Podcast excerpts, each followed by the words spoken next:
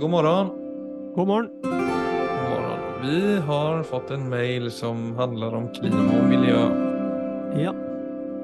Jag har lust att bara läsa delar av den här för att eh, det är intressant. Alltså vi står ju inför väldigt många liksom, strukturella utmaningar idag, både vad gäller krig och miljö. Så hur vi, alltså hur vi förhåller oss till egentligen så stora och ofta nyheten er ofte så kraftige da, at man kan bli av med alt hopp. Ja. ganger. gånger. Ja. Så det hun vil spørre oss er hur vi ser på dette med tilstedeværelse vedrørende klima og miljøendringer. Hun skriver at for meg er nærhet og tilstedeværelse i og med naturen en del av en verdifull existentiell erfaring. De menneskeskapte ødeleggelsene oppleves derfor som en ganske direkte trussel mot min egen eksistens, og bidrar dessutom også til økt frykt og fortvilelse. Jeg finner det imellom vanskelig å forbli i en tilstand av væren og ro under disse omstendighetene. Jeg har valgt å ha som utgangspunkt at gjøre så godt jeg kan på min lilla flekk på jorden, og at gå veien til meg selv og ta meg selv på alvor er det beste jeg kan gjøre både for meg selv og verden. Likevel føles dagens klima i ordets alle betydninger urovekkende og skaper tvil i meg om hvordan jeg skal orientere meg slik at jeg bevarer roen og gleden og balansen til tross for den kollektive trusselen miljø- og klimautfordringene utgjør. Ja. Ja. Ak akkurat det spørsmålet har egentlig jeg tenkt på ganske lenge selv. Altså hur, säkert, det er sikkert mange som har kjent på hur alltså högaktuellt klimaförändringarna är, men samtidigt hur lite man upplever sker kanske och hur lite vi faktiskt har kontroll på. Ja. Och om jag bara ska börja så, så från mitt perspektiv så landar jag hela tiden på det där med hur vi, alltså hur vår hjärna också är, dessvärre, fortfarande väldigt sånn präglad av en stenåldershjärna som mycket har uppdaterat sig så vidare mycket. Alltså man ser ju spår av det i, i så mycket och klimafrågorna är ju ett väldigt gott exempel på hur, hur svårt det är att prioritera saker i framtiden. Ja. Och så är det ju också väldigt intressant när man alltid hör folk säga ja människan har ju klarat kriser förr. Som om det Mm. liksom aldrig är illa nog. Ja. Och så, så tänker man, ja men hur länge har liksom moderna människan varit igång? 200 000 år. Alltså dinosaurierna var ju gått igång i 130 miljoner år. Så där vi har ju liksom en god bit framför oss för att slå det. Ja. Så, och så säger ju, som jag nevnte nämnde lite för det inledningsvis, där om man liksom ska ta någonting som har kommit sån helt färskt från klimarapporten, som egentligen förändrar tycker jag då, allt i förhållande till hur vi förhåller oss till det, det är ju de glaciärerna som man kallar domedagsglaciärerna vid västra delen av Antarktis, Mm. som har kommit till en punkt då det ikke är möjligt att reversera det. Och den där liksom lilla chansen, den strimma av ljus som man många gånger håller fast vid, den, den är, är inte där. Mm. Så där har vi helt enkelt tappat kontrollen. Alltså den där illusionen av kontroll. Vanföreställningar egentligen bara slås hål på. Ja. Och så vad vi då än gör så vill vattennivån gå upp med upp mot fem meter. Och det Mm. betyder att en tredjedel av världens befolkning måste röra på sig. Ja. På sikt. Och detta är ju någonting då som skulle vi haft en chans att ändra på det så skulle det varit igång för flera decennier. Så där har Mm. man nått en, de snackar om point of no return punkter i Ja. vissa sammanhang. Och der har vi kommet til et sånt sted som er såpass dramatisk at vi vil, vi vil bli nødt til å planlegge hvordan vi tilpasser oss framtiden. Ja. Så da er frågan då, vad gör, om man bare skal forholde seg til mye av det du og jeg snakker om då, så hva gjør vi med en hjerne som er designad for livet på savannen der alt er en kamp for å overleve, om man oversetter det til i dag, då, som är snabb och kortsiktig problemhantering och hur lite effektivt det är när vi står inför så långsiktiga hot som klima, krig, strukturer som måste uppdateras för att vi ska kunna ha en beboelig jord. Ja. Och då må man ju ta kontrollen på riktig riktigt istället då. Det är egentligen det, att vi, vi kontrollerar helt fel ting.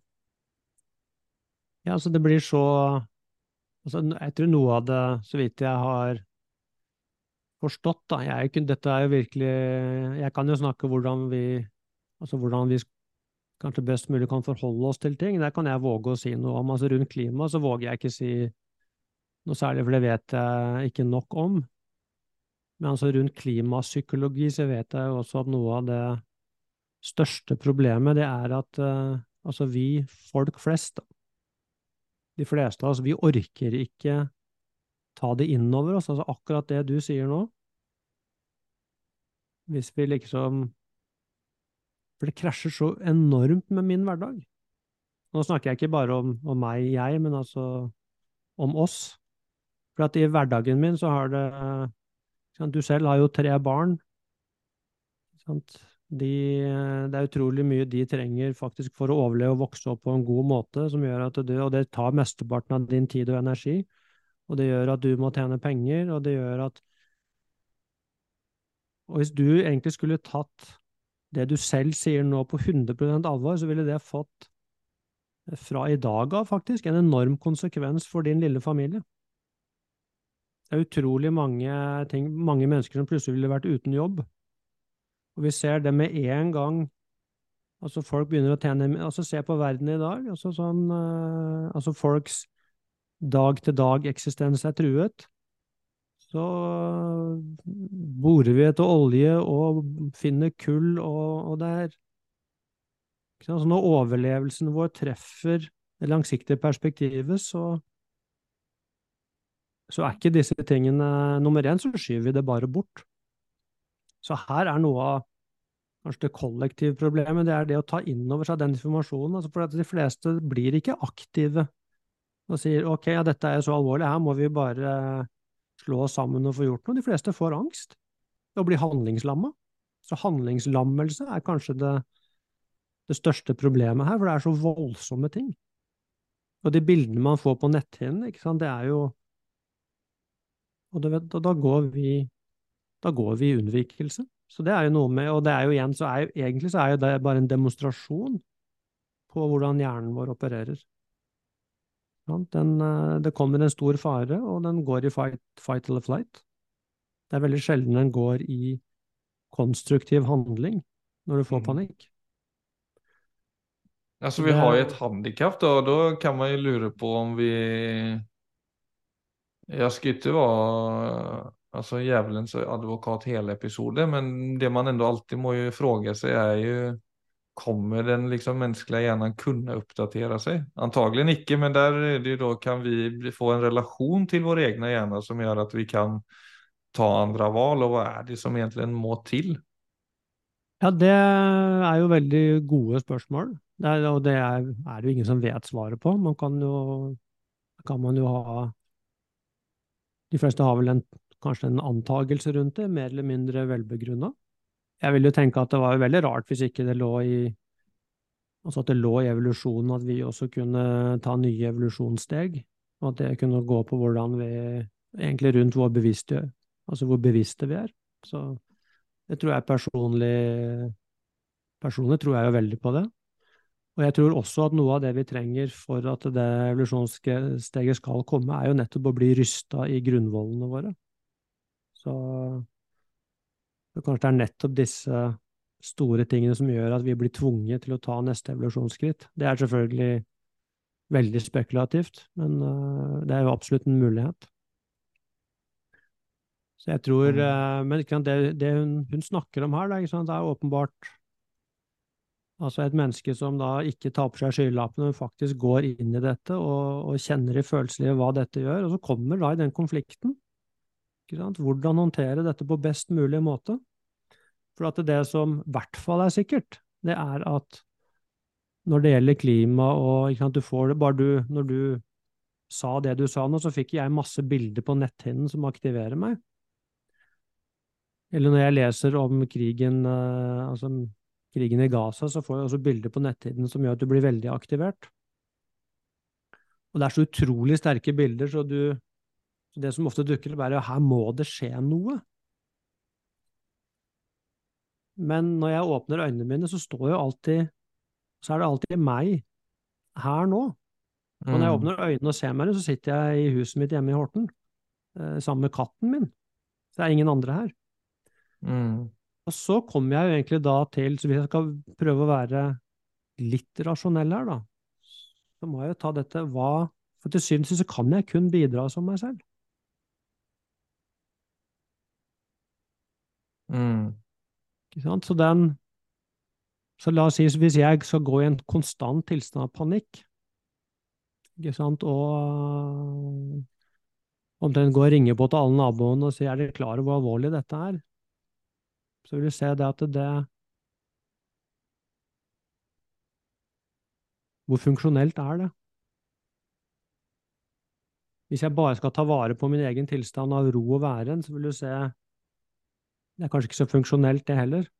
Da, men det er noe med denne balansen mellom å se Bidrar jeg best når jeg har panikk?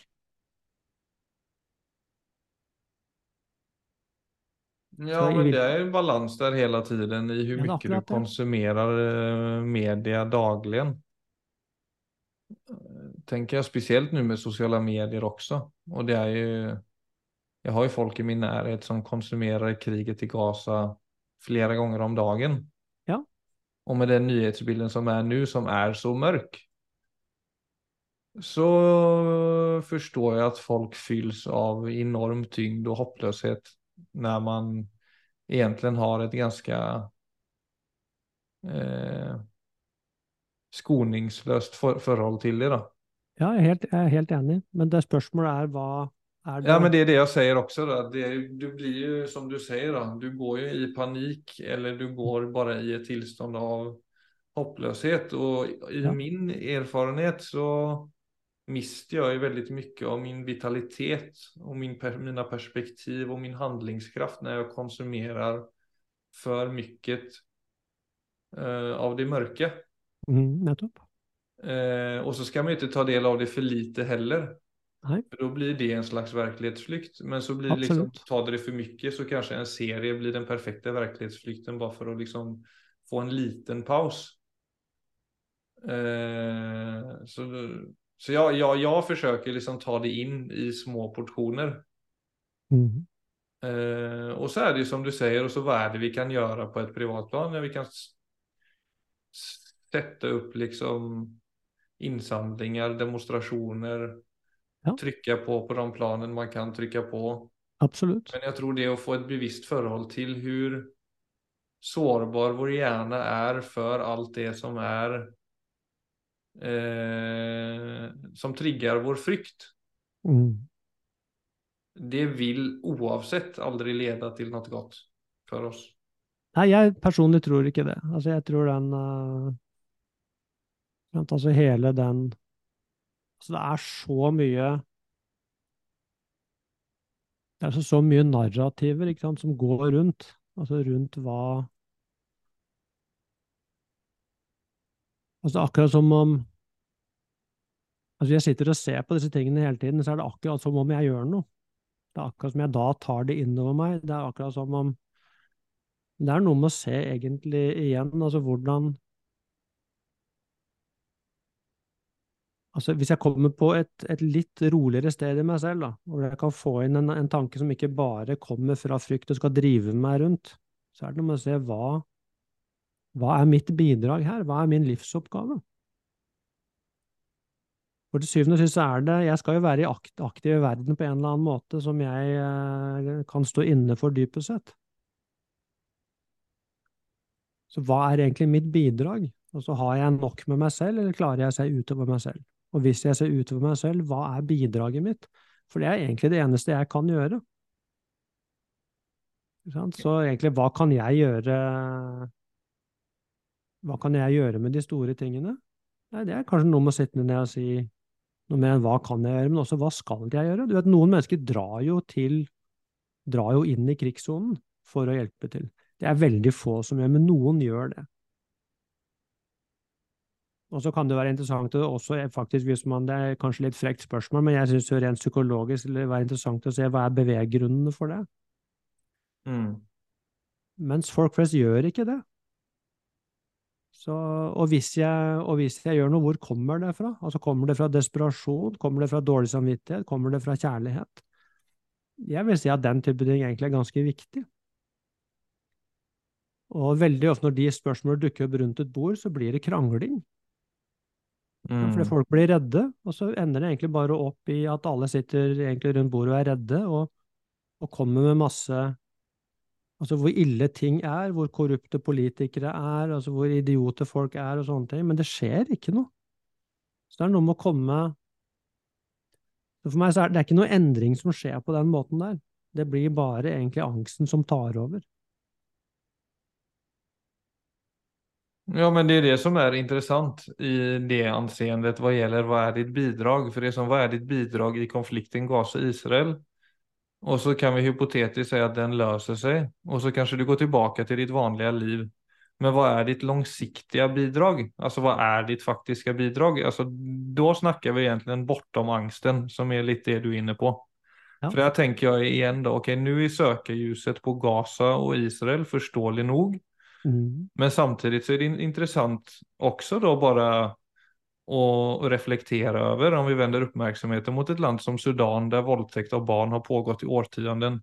Mm. Där det, som det är ingen som snackar om här för att de liksom ikke är våra allierade eller mm. vi bryr oss ikke lika mycket om Afrika så varför är de mindre viktiga? Nu är det ju politik och media som bestämmer vad som hamnar i rampljuset. Mm. Och så blir vi en del av det. Men där ligger då trycket på så pass mycket att vi får ju, så som jag också, man får ett behov av att bidra i den konflikten Gaza-Israel. Ja. För att det är så hemskt och det, det känns nästan som eh, att man må. Ja. Men så är jag ju lika upptatt av att känna på att ja, men det, vill, det är alltid motstridigheter och obalanser i världen och, många, och i nästan väldigt många fall så tar vi inte ens del av det. Mm.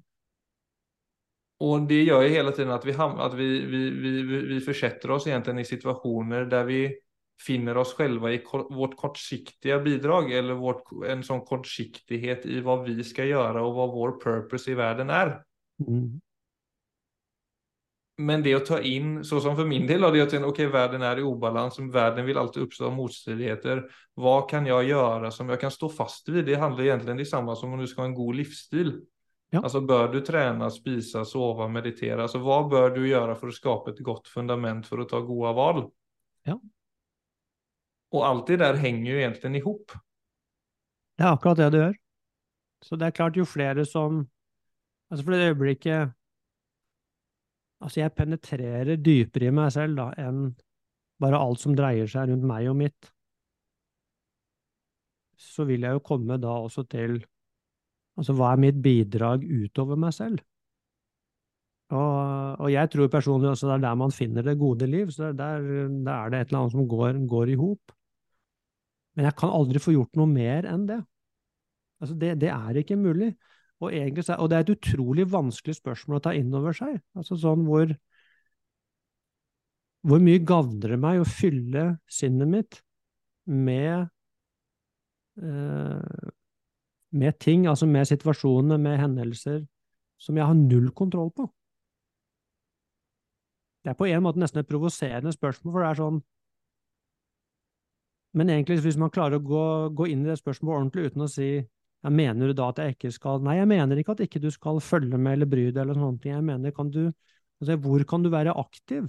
Hvor kan du faktisk gi et bidrag? Og det er ikke sikkert jeg kan gi noe bidrag til til Gaza eller Palestina i det hele tatt. Jeg kan, jeg kan, gi et bidrag der hvor jeg er. Og Hvis jeg går inn i verdisystemet og ser jeg vet hva, jeg må, Nå må jeg faktisk selge huset mitt og slutte jobben min og gå ned og hjelpe til. Ja, ok, Hvis det er min sannhet, så vil jeg gjøre det. Men, men det er ikke det for de fleste. Så det å, å ta det på alvor og se altså hvordan, hvordan er jeg der hvor jeg er? Hvordan er jeg med det mennesket som jeg står foran akkurat nå? Har det mennesket min interesse? For i verste fall så er jeg så opptatt av klima at jeg blir totalt uinteressert i de folka jeg er rundt, eksempel. Så det å begynne å kikke hva er egentlig mest gunstig her? Hvordan er det vi bidrar til en kollektiv endring til syvende og sist? Altså Hvis alle går inn i en angsttåke, så slutter vi, så slutter vi faktisk å ta vare på det som er nærmest.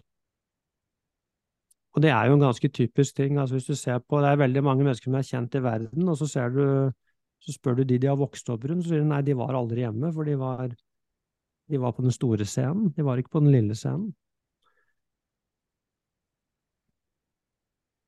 Så jeg tror det er uh, Altså, jeg personlig så vil jeg gå til person, det, det, er jo det jeg gjør selv, og det er det jeg snakker med andre om hvis de kommer til meg rundt dette, det er å gå et hakk dypere og se hva er det som egentlig skjer her? Hva er det som skjer i meg når alle disse tingene treffer meg? Jeg tar et skritt tilbake og prøver å få litt perspektiv på det. Hvor er det jeg kommer i handling på en ok måte? Så er det noe gunstig for noen i det hele tatt Hvis jeg hele tiden går rundt i frykt og stress og uro. Ja, men hva hvis verden går til helvete? Så, ja, altså Hvis vi nå vet at vannstanden eh, kommer til å øke fem meter, så er jo det, det er nødt til å skje uansett hva du gjør. Hva skal du gjøre med det? Skal du ta selvmord?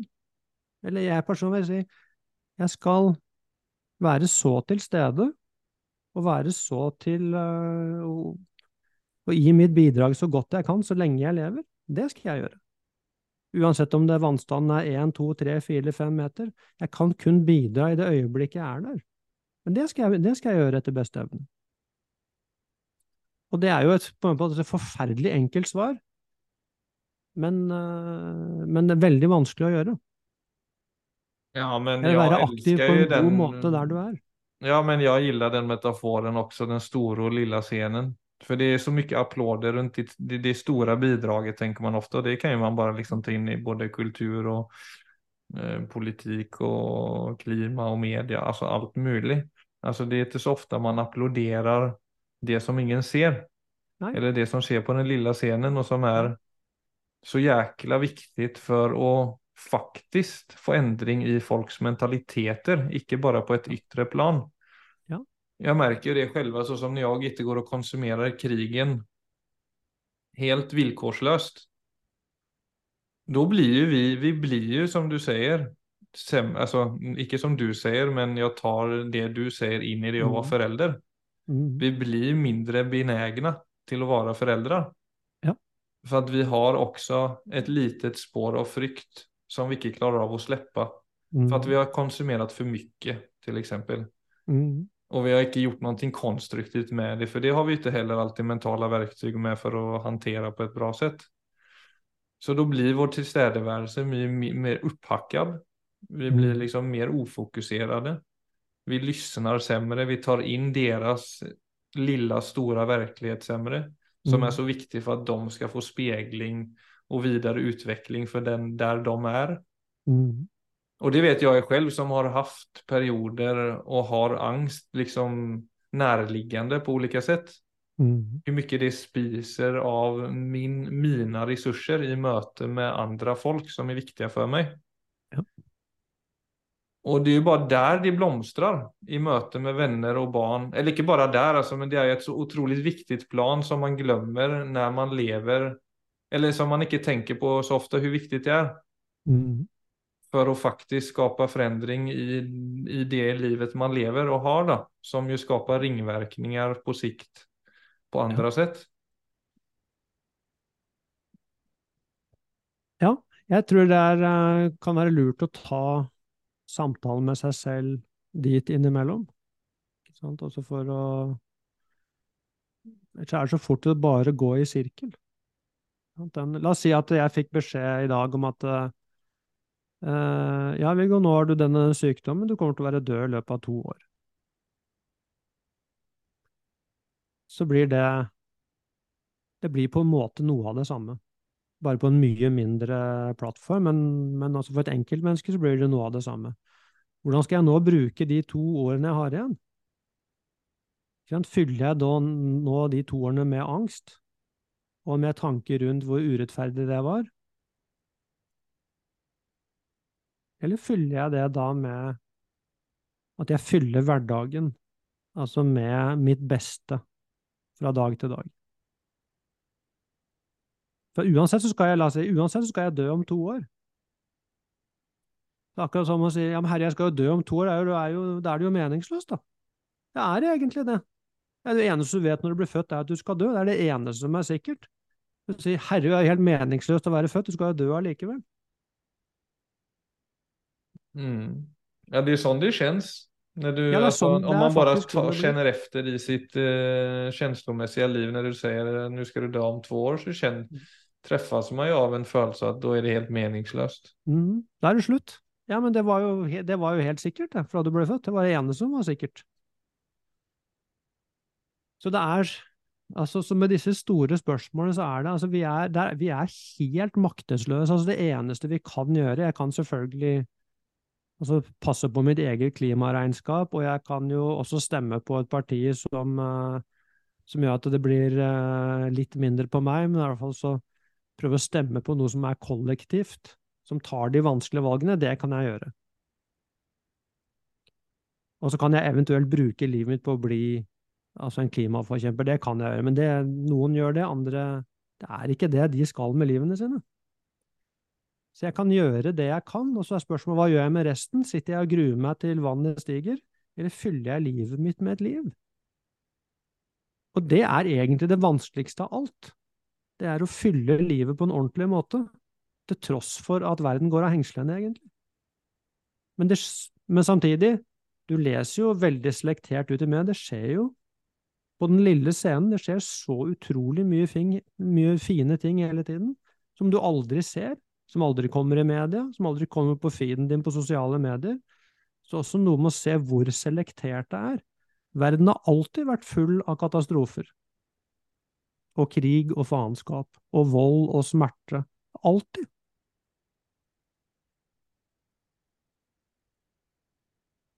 Så jeg liker veldig altså Det har jeg sagt, sagt før i poden, og jeg, jeg, liker det veldig, veldig godt. For det, for det, gjør meg også sober i alle disse tingene. Som Gandhi sa, be the change you want to see. Hva det fører til i det store bildet, det er totalt hinsides min kontroll. Men det er det eneste jeg kan bidra med. Mm.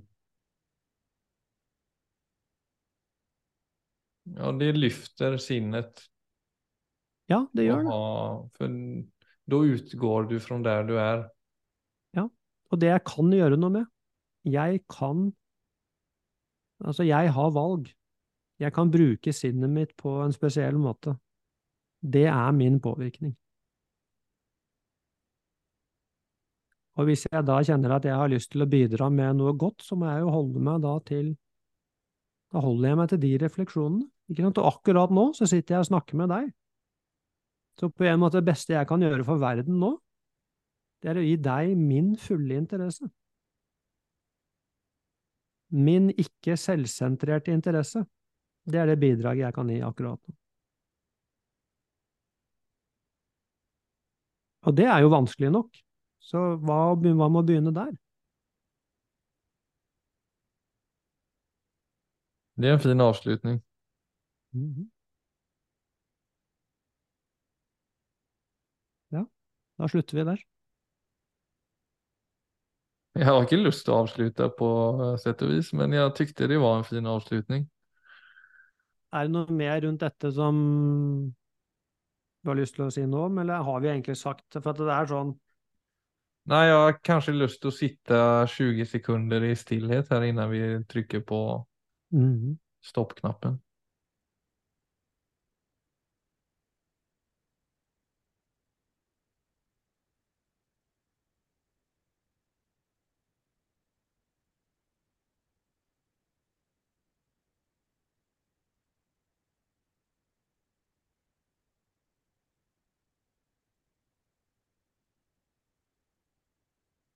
Ja, ska vi säga så?